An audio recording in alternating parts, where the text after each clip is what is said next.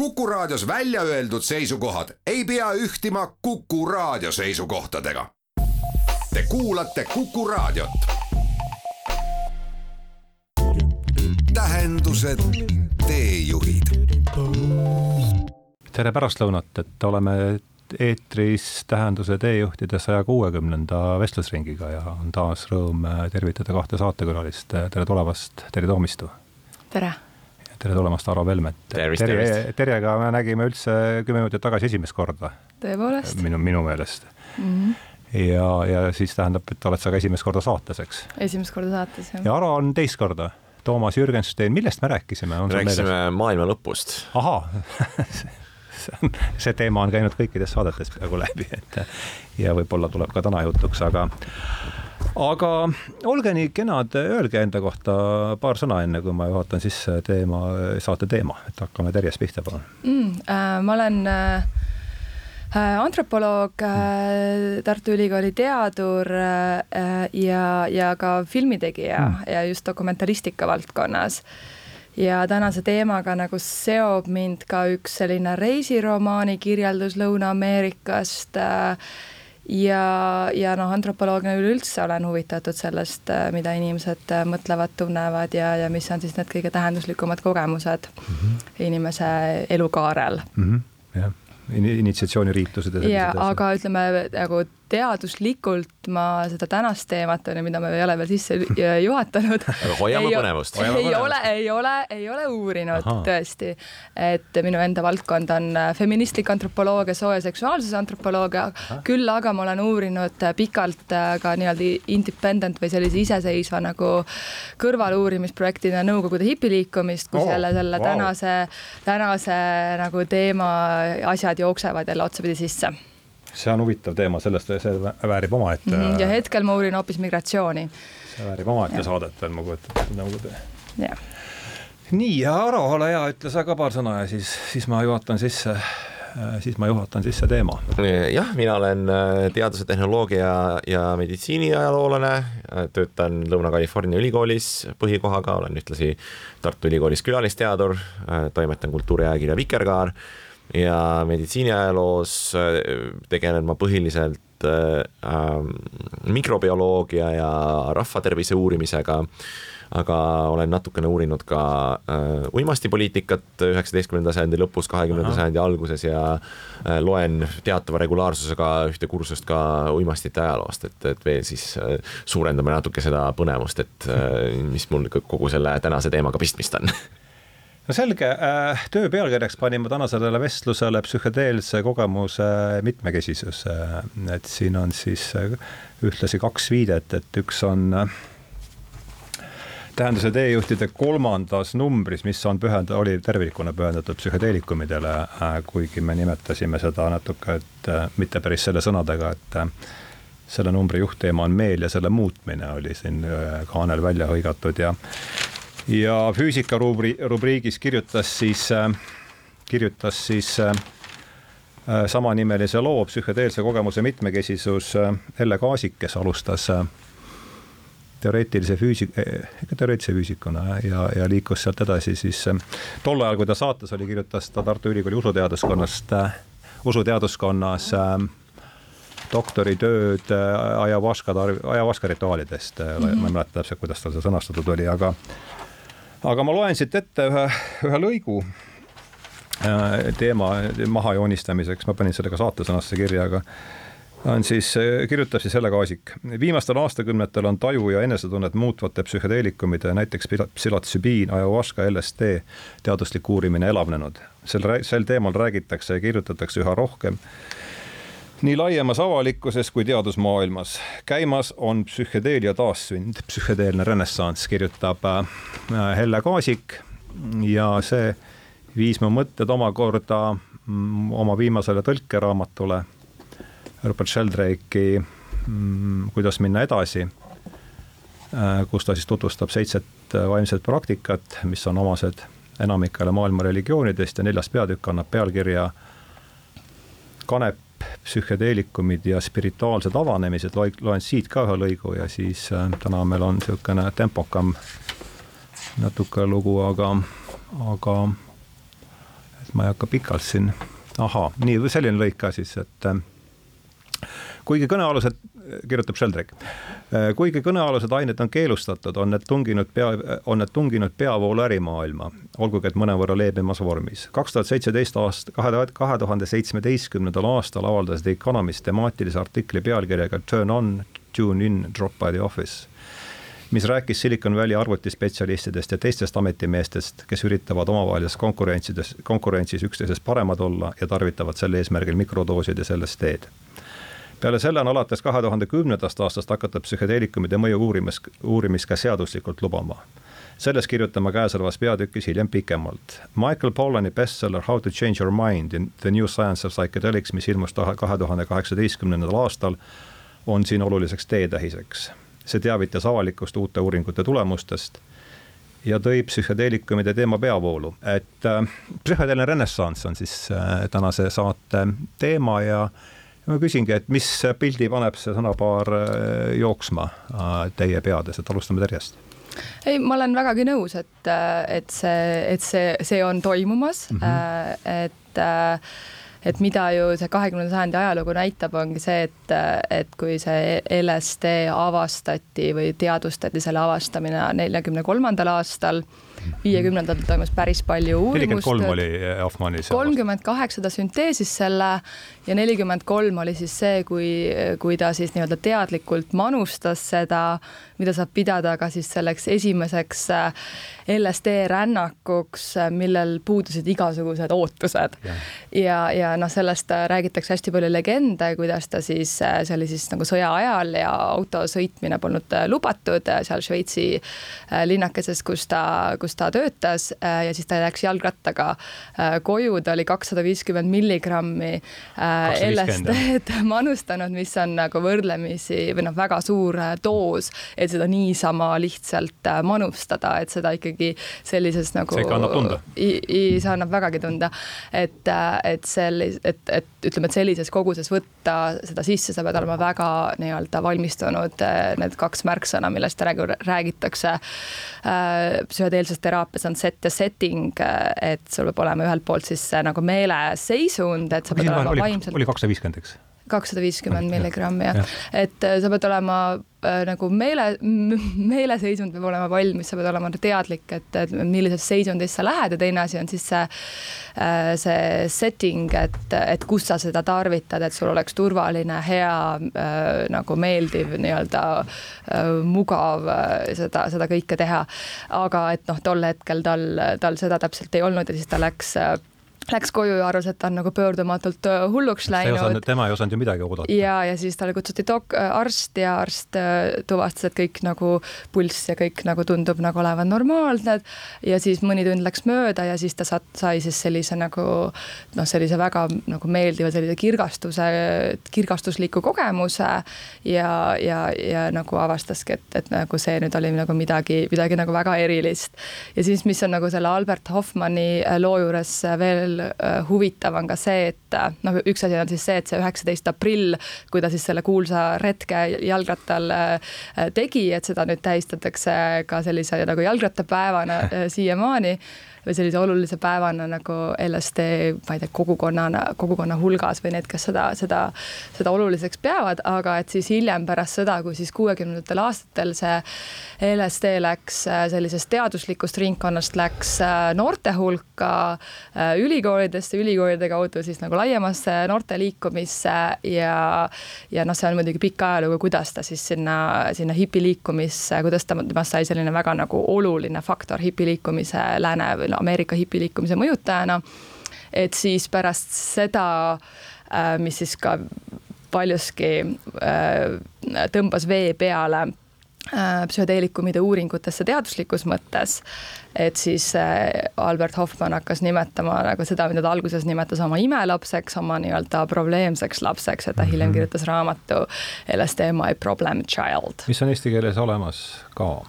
ja, ja jah, aga et noh, et kui nüüd nagu see, see lugu nagu kokku võtta, et siis tõesti äh, viiekümnendatel aastatel äh, tehti päris palju uuringuid. Äh, noh, kuigi seesama see psühhedeelia termin üldse võeti kasutusele ka viiekümne kuuendal aastal alles, et mm -hmm. meelemanifestatsioon siis kreeka keeles. see oli ja...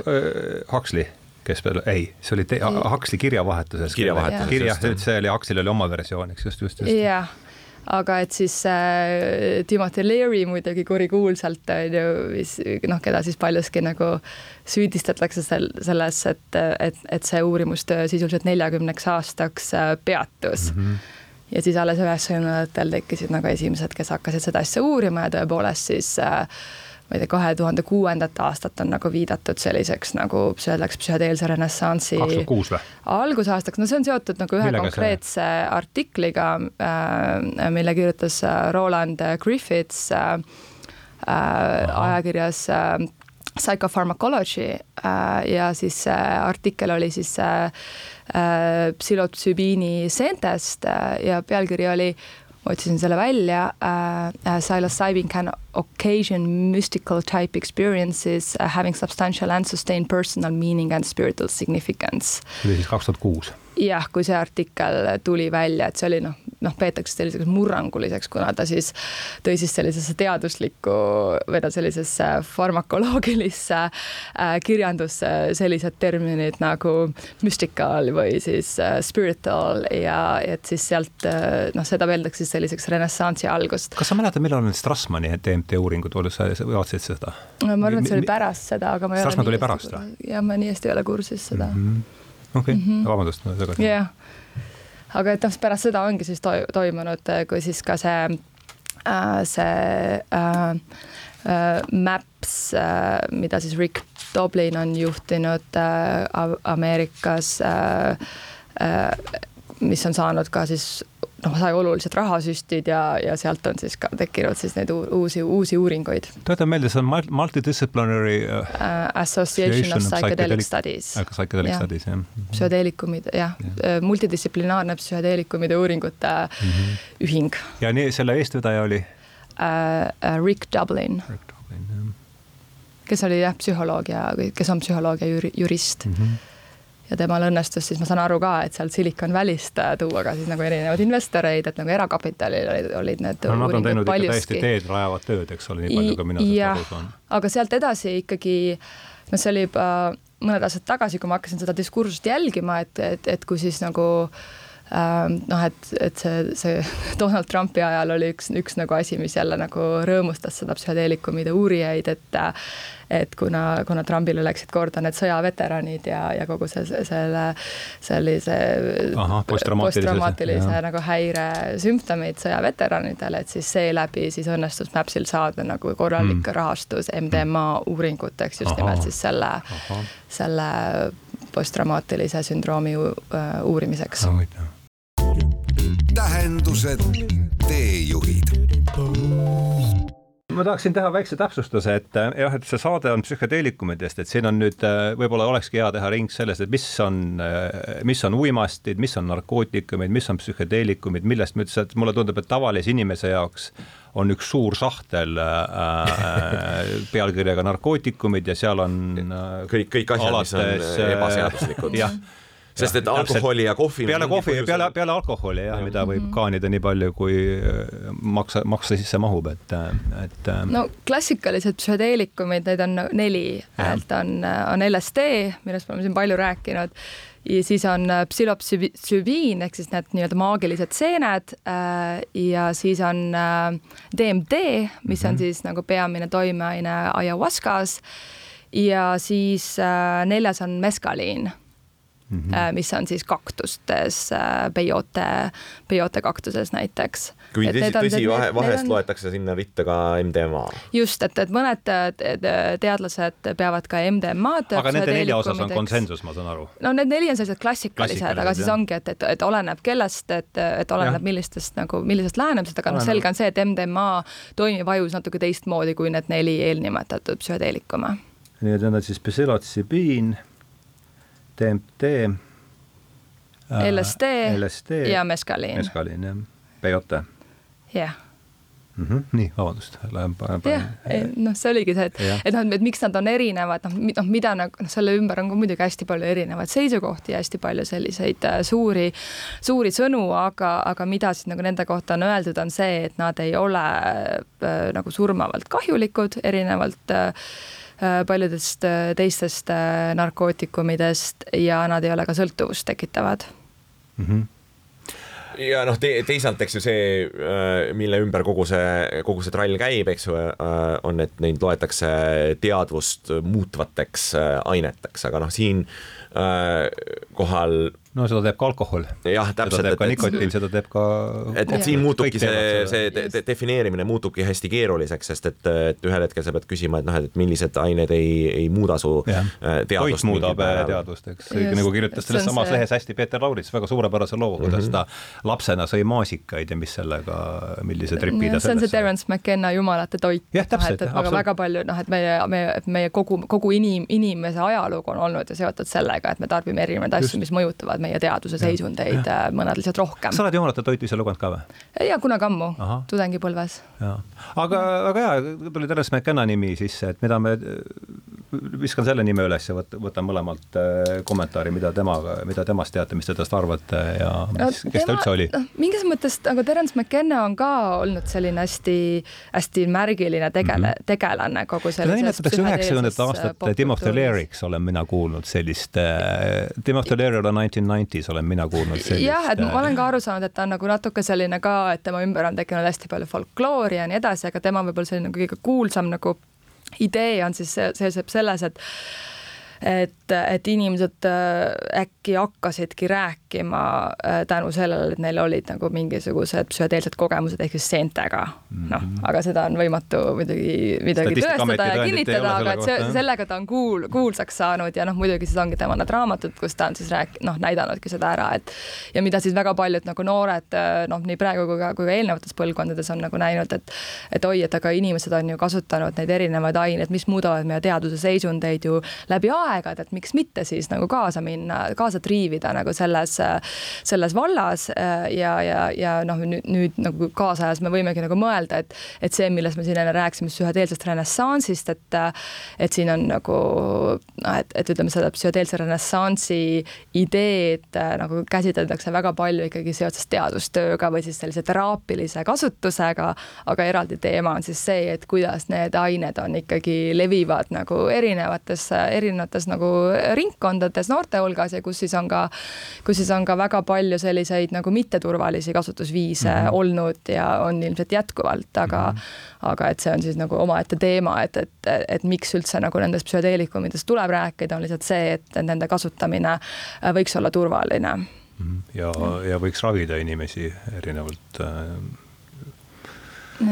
paljudest teistest asjadest, mulle, mulle tundub. aga praegu Terence McKenna äh,, mis sulle tuleb ette üldse, kui üldse midagi äh,? Suurt mitte midagi märkimisväärset või noh, selles mõttes, et mitte midagi rohkemat kui, kui see, mida sa juba rääkinud oled, seesama üheksakümnendate äh, renessansi ja pika perspektiivi pakkumise äh, osa, jah mm. -hmm. aga kena, ega siin me peame kusagil poole jah, natukene pool tundi natuke peale meil siin veel aega olla, et ma saatsin teile ette ka Charles Eisensteini artikli Psychedelics and System Change. tundub, et mina ei ole nendes märkmetes olnud ka. sellest ei ole, sellest sellest ei ole midagi ma pean ainult puhtalt tulistama. ja puhtalt täpselt ja seda selleks, see tuleb kindlasti äh, hiilgavas välja.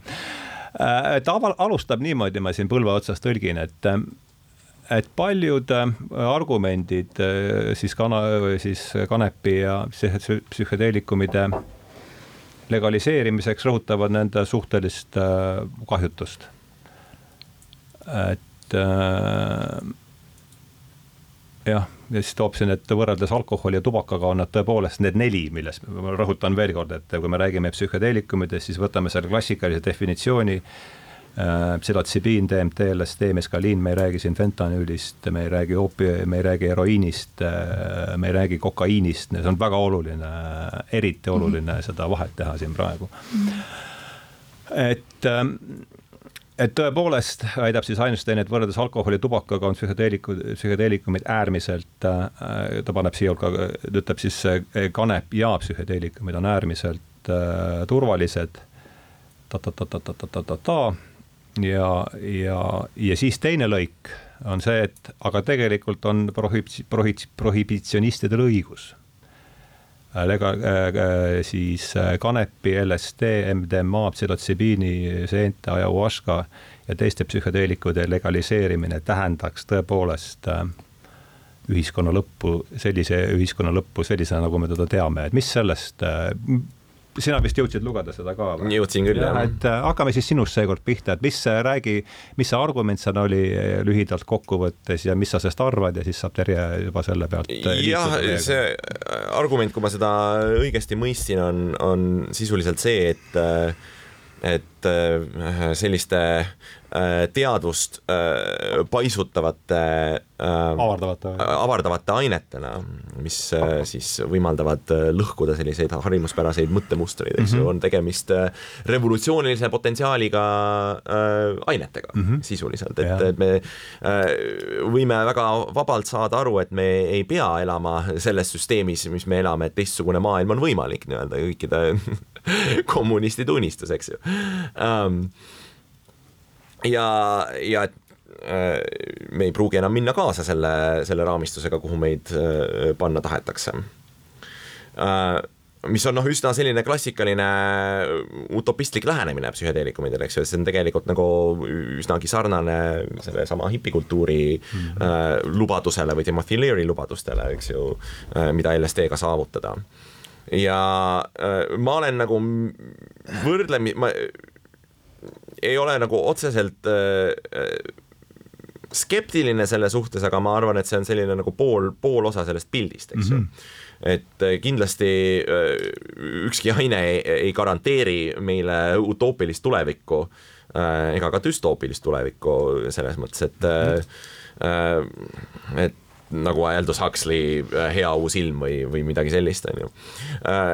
ja psühhedeelikumidega on, on sama lugu, et, et ajalooliselt Äh, LSD on olnud ka äh, kandidaat, eks ju, CIA äh, tõeseerumi programmis. ja noh, ütleme, kui me mõtleme näiteks MDMA peale, siis ma arvan, et see on, sõltub nagu sõltub vaataja nurgast, et kas näha seda kui mingisugust vabastavat äh, droogi või kui ühte nagu kõige suuremat korporatiivset äh, sellist et eks ju tuluallikat, mille peale on pärast äh, üheksakümnendaid ehitatud äh, maailma kõige suurem või noh, üks suuremaid äh, muusikatööstuseid, eks ju mm, -hmm. Electronic Dance Music, millel noh, sorry, aga nagu suurel osal sellest, mis toimub nagu EDM-i festivalidel või noh, üldse selle nagu muusikaskenel ei ole küll mitte midagi pistmist mingisuguse nagu olemasolevate süsteemide lõhkumise või, või millegi mhm. taolisega, vaid on, vaid see annab lihtsalt nagu veelgi rohkem raha, eks ju, Las Vegase kontserdikorraldajatele ja, ja suurtele produtsentidele, noh, kes on selles süsteemis nii sees, kui vähegi olla annab. see on jah, päris huvitav, mis tuli välja, ma üks põhilisi asju, mis ma siiani olen enda jaoks kaasa võtnud, et see pinge, see kontrakultuuri ja korporatiivkultuuri vahel, see tundub olevat ilmselt üks tõesti üks kõige olulisemaid äh, äh kohti selles temaatikas, ole hea, Tere, kas sa midagi -hmm. lisad selle? Ma mõtlesin visata veel ühe nime siia, siia sellesse meie tänasest, tänaste nagu peategelaste hulka, et on nagu Stanislav Grof. oo oh, jaa, muidugi mm. -hmm. et kes on äh, ju Tšehhi päritolu äh, üks esimesi nagu LSD uurijaid äh, psühhiaatrina, psühholoogina. ma lisan veel vahele, et meil on kod, selle meie kanalil on eraldi playlist Stan Grofist, tal on küll väike, väike mm -hmm. valik neid, aga lihtsalt, et mm -hmm. kuulajatele. ja noh, Stan Grof oli see, kes siis noh Tšehhis sünteesis LSD-d ja, ja oli, oli mitu uurimisinstituuti, kes seda siis uurisid ja, ja siis ta läks kuuekümne seitsmendal aastal läks Ameerikasse ja, ja noh, siis samas, samas koges ka seda, et, et kiiresti pandi sealsed, sealne uurimustöö siis kinni. aga, aga, aga mul on olnud äh, au temaga kohtuda. sa oled Kohviga kohtunud? Jaa. millal see oli? Äh, see oli kaks tuhat neliteist. Hmm, kus kohas? Äh, ma käisin tal külas. Äh, jah, Mill Valley's seal San Franciscost mm. põhja pool, siis seal üle, üle selle Golden Gate mm. silla minna natuke, natuke maad edasi. ta elab sellises toredas püramiidikujulises majas mm -hmm.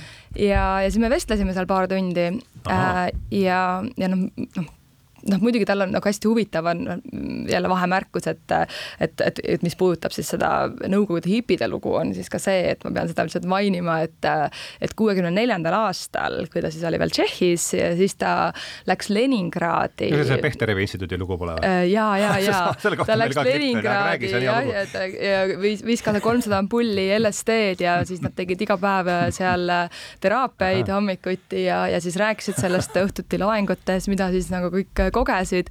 ja siis ta läks kuuekümne seitsmendal aastal läks ise Ameerikasse, aga siis ta kuulis hiljem oma mm -hmm. kolleegilt, kes oli siis sattunud sinna, sinna Peterburi äh, kampusesse ja, ja leidis, et nagu kõik inimesed on hakanud järsku pöörama tähelepanu meditatsioonile ja lugema Herman Hesset Portergi ei jõudnud ära imestada, mis äh, lahti on. ja, et, et mingisugune vaimne nagu atmosfäär nagu vägagi muutus, et, et siin on jälle nagu noh, huvitav spekuleerida. kas seal on mitte veel see, et ta jättis osa, osa sellest LSD-st veel nendele sinna jagada? ja ta jättis need maha, nad tegid, tegid seal nagu mingisuguse hulga neid, neid, neid sessioone ja siis ta läks ise ära ja, ja, ja siis. teadurid hakkasid, teadurid hakkasid esset lugema ja jätsid äh, Pavlovi sinna paika. just äh, ja noh, noh, mingis mõttes võib spekuleerida, et kuivõrd ka see mõjutas sellist Nõukogude hipiliikumise nagu teket ja, või andis ja. nagu sealt omamoodi mõju, aga noh, et Nõukogude hipide hulgas LSD oli väga-väga haruldane, et mõned üksikud, äh, kellel oli siis Ameerika sõber, siis tõesti said postkaardiga noh, niimoodi nagu, nagu eestiski LSD äh, selline slängi termin on mark mm. -hmm. ja, ja väidetavalt siis see tulebki sellisest Nõukogude hipiajastust, kus tõepoolest LSD pandi siis nagu selle postkaardi margi alla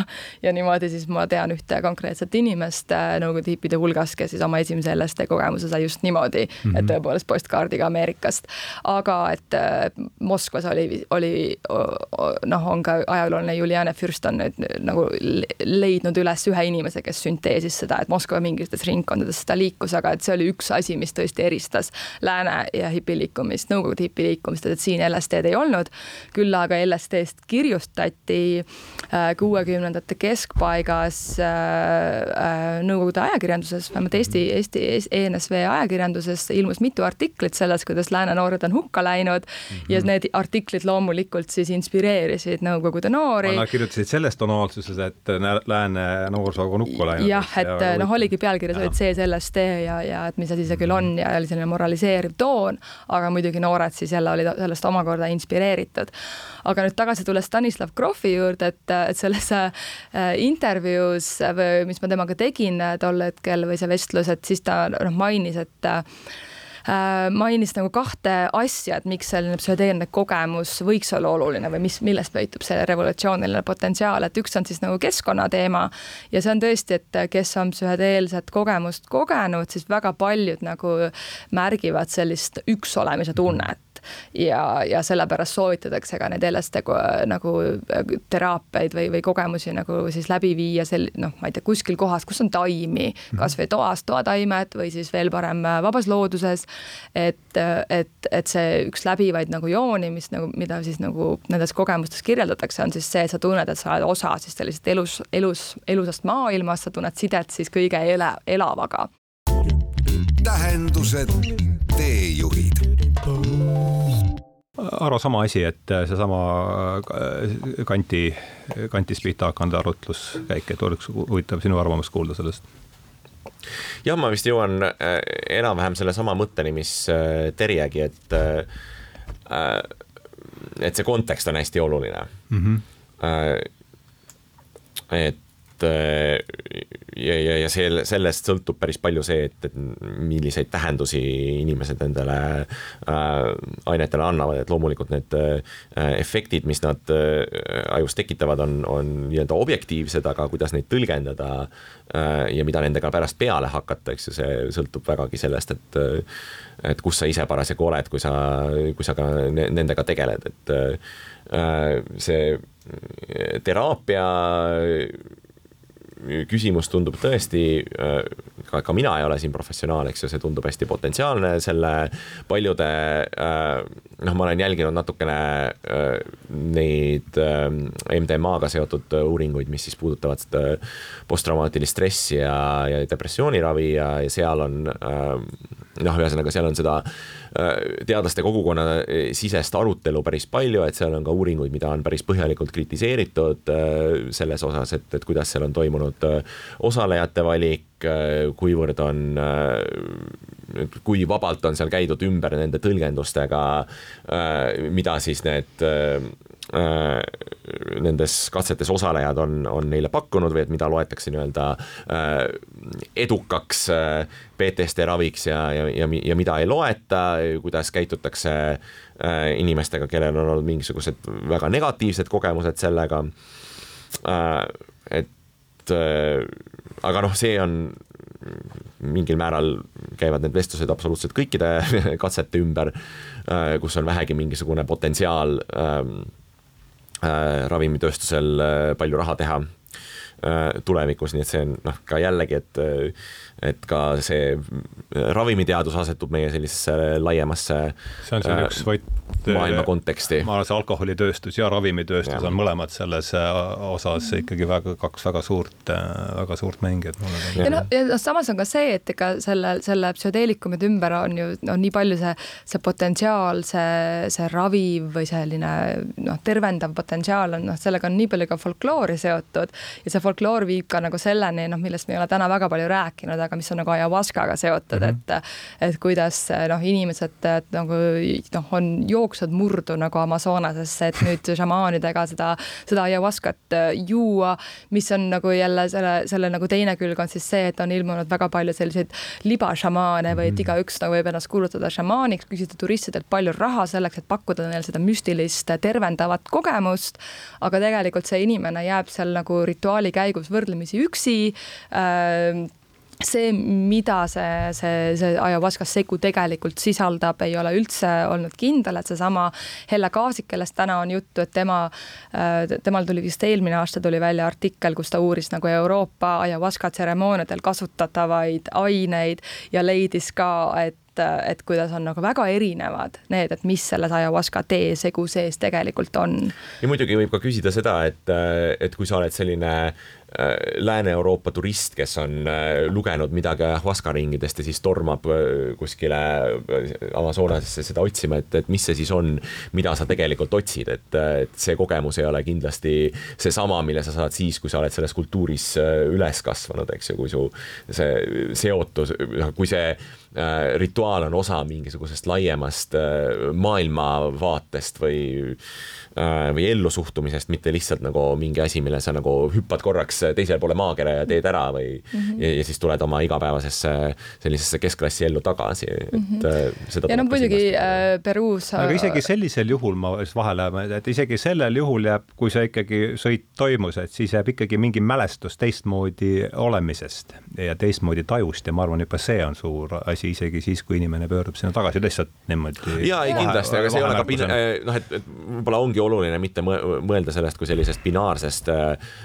et see reaalsus ja siis see ja. mingi muudetud reaalsus, vaid et, et äh, mõeldagi nüansseeritult, et, et on palju erinevaid kohti, kuhu see, see, see ajahuaska ringi või, või LSD tripiga võib jõuda mm. -hmm. ja muidugi noh, ütleme, et kui mina, no ma mainisin siin äh, saate sissejuhatuses ka, et, et mina koos Berit Renseriga kirjutasime raamatu pealkirjaga Seitse maailma, mis on siis nagu reisiromaan Lõuna-Ameerikast, kus siis üks peatükk räägib ka sellest ayahuasca kogemusest mm., mis meil oli äh, Peruus Shipibo šamaanide juures ja noh, sellises hapras eas, nagu ma siis tol hetkel olin. ütle palun veel selle raamatu nimi. Seitse maailma. seitse maailma mm. -hmm. et see oli, noh, ta oli kahtlemata selline, ma olin kakskümmend kolm et see oli kahtlemata minu jaoks elumuutev kogemus ja ma tagantjärgi arvan, et see oli, võis olla ka kogemus, mis tõi mind antropoloogia juurde. et just selline nagu väga nagu oma kogemusest tajutav selline, kuidas reaalsus on sotsiaalselt konstrueeritud, et on võimalik kogeda erinevad reaalsused, mis on tegelikult ju äh, selline antropoloogilise mõtlemise mm -hmm. nagu selliseid tüvesid, et, et kuidas inimesed kogevad oma reaalsust ja, ja mõtestavad seda läbi siis sellise äh, sotsiaalsete süsteemide mm. -hmm.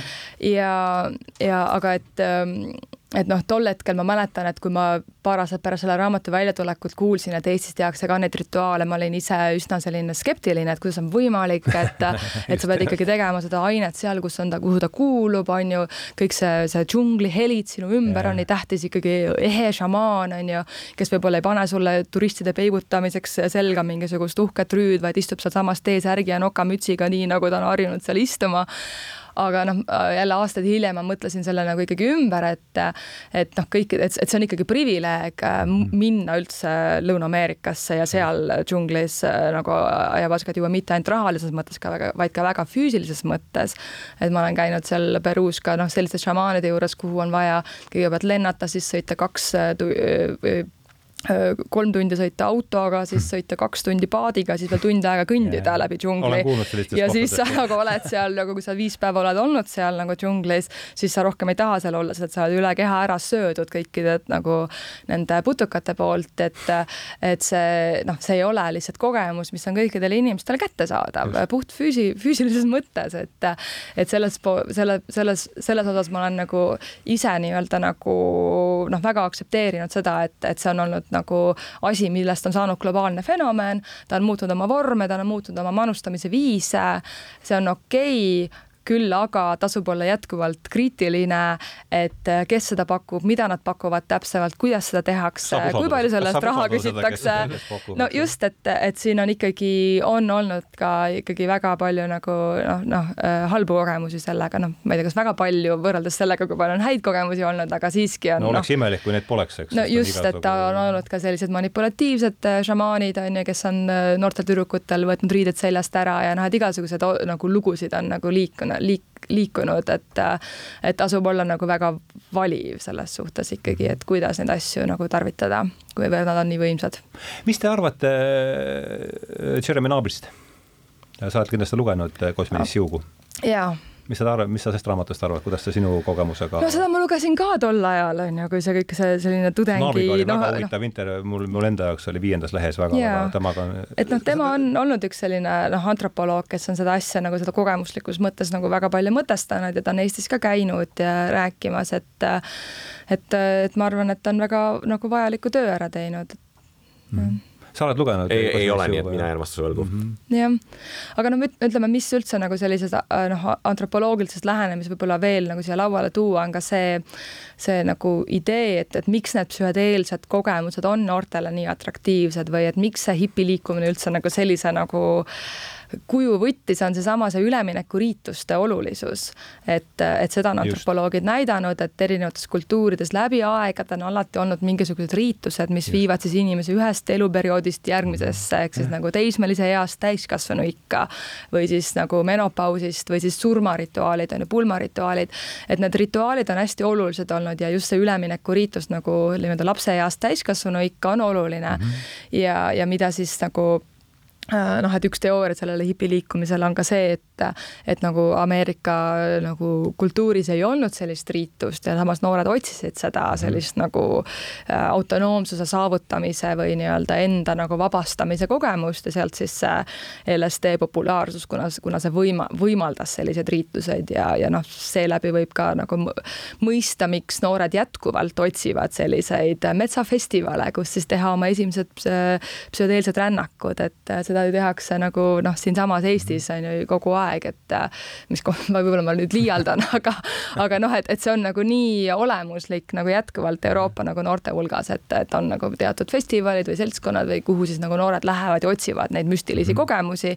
et see on nagu jälle antropoloogilises mõttes väga mõistetav, kuna otsitakse just nimelt seda üleminekuriitust, et saavutada autonoomsus ja vabanemine just sellises hapras eas, kahekümnendate alguses on nad nagu väga populaarsed mm. -hmm tahad sa lisada midagi siin äh,? ei noh, võib-olla ainult seda, et, et see on ka võib-olla seesama põhjus, miks äh, miks ma olen mõnevõrra skeptiline selle väite osas, et, et kas see psühhedeelia on nüüd lahendus sellele killustumisele, mis. ei, ma ei arva, et, ma ei arvagi, et see lahendus killustumine, aga ega ta vast jah, äh, sorry. no ega ta, ega ta ka halba kindlasti ei tee jah, ma arvan, et ta nagu enam killustab. üks aine nüüd jah, kõiki meie probleeme ei lahenda, see on ka selge, eks, aga mm. -hmm aga noh, see on ka seesama, et, et, et ega see, et kui sa jooksed sinna, sinna Peruusse, jood seda ayahuascat ühe korra, et see ei lahenda sinu probleeme, tähendab, ta ei pruugi lahendada sinu probleeme. aga ta võib olla algus aga, nende probleemide lahendamisele. ta võib olla algus, aga et, et see on seesama, et, et neid, et see, et, et miks need, et noh, mida need, need psühholoogid, kes nende, nende, nende teemadega tegelevad, toovad just välja, et on nii oluline ka see, see, see, see, see, see vestlus või see, mhm. see tuning, et et ega nendest kogemustest üksi ei ole, ei ole kasu, kui sa ei oska neid mõtestada või ka neid, neid nii-öelda küsimusi või, või ülesandeid endale nagu püstitada seeläbi.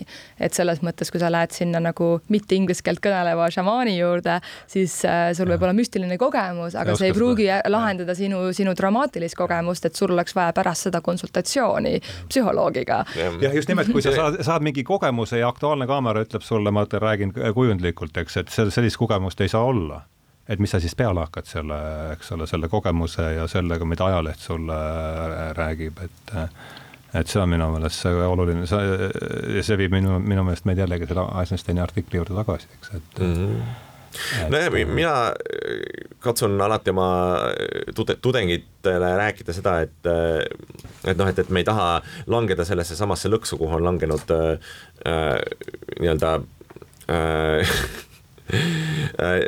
Drug Enforcement Administration või, äh, või teised sellised narkopolitseinikud, kus me nagu keskendume sellele ainele, eks ju. et, et me räägime nagu LSD-st või, äh, või MDMA-st või, või psühhotsübiinist või, või millestki sellisest, me peaksime ikkagi rääkima, rääkima nendest protsessidest, et, et tegelikult, kui me räägime terapeutilisest protsessist siis äh, traumajärgse äh, posttraumaatilise stressiravil, mis hõlmab MDMA-d, siis see on tegelikult no hoopis teine asi kui see, kui me räägime äh, nädalavahetuse reivist hallis või mingisugusest kaheksakümnendate Briti äh, underground äh, reivist, eks ju, et, et need on erinevad kultuurid, need on erinevad kontekstid ja see, et, et nende, neil on mingisugune ühine nimetaja nende äh, ainete näol, mida seal tarvitatakse, noh, see on kindlasti, see ei ole nagu täiesti irrelevantne, aga nad on ka ikkagi täiesti eraldi üksused või, või eraldi mingisugused protsessid ja kogemused ja et, et me võib-olla jõuame palju lähemale lähemale nende protsesside mõistmisele, kui me hakkame pihta sellest, et me küsime, et, et mida see, äh, mida see rituaal endast kujutab, mis, mis eesmärki see äh, rituaal teenib, kuidas inimesed seda äh, kogevad, mis on selle jaoks vajalikud elemendid, millest nagu üks on võib-olla see aine, aga teine asi on täpselt see šamaan, see koht mm, -hmm. need teised tegevused. et noh, et et me, me, me ei saa lihtsalt nagu keskenduda ülemäära sellele ühele küsimusele jätta kõik need ülejäänud kuidagi teisejärguliseks. no nii ta on, aga sellest teistest küsimustest ilmselt me peame vaada, kella vaadates nüüd järgmine kord rääkima, et, et äh, heas seltskonnas olen tähele pannud, läheb aeg lennates ja nüüd ongi peaaegu poolteist tundi läinud ja kuivõrd täna on meil siin ähm, piira, väike piirang peal, siis tõmbame praegu joone alla sellele, sellele vestlusele, et aitäh tulemast, Terje Toomistu. oli jah. väga perekonnanimigi. tere, aitäh, Terje Toomistu, aitäh, äh, Arvo Velmet. Äh, ma olen väga tänulik, et te leidsite aega mm, tulla täna ja, ja oli väga huvitav teiega. ja samad sõnad, aitäh. aitäh, aitäh. aitäh Kaiale puldis, aitäh äh, kõigile, kes on teinud saate võimalikuks, aitäh kõigile, kes meid kuulavad ja tõmbame siis joone alla ja läheme lahku suuremate sõpradena, kui me enne olimegi, nii et konsumatum est tähendused, teejuhid.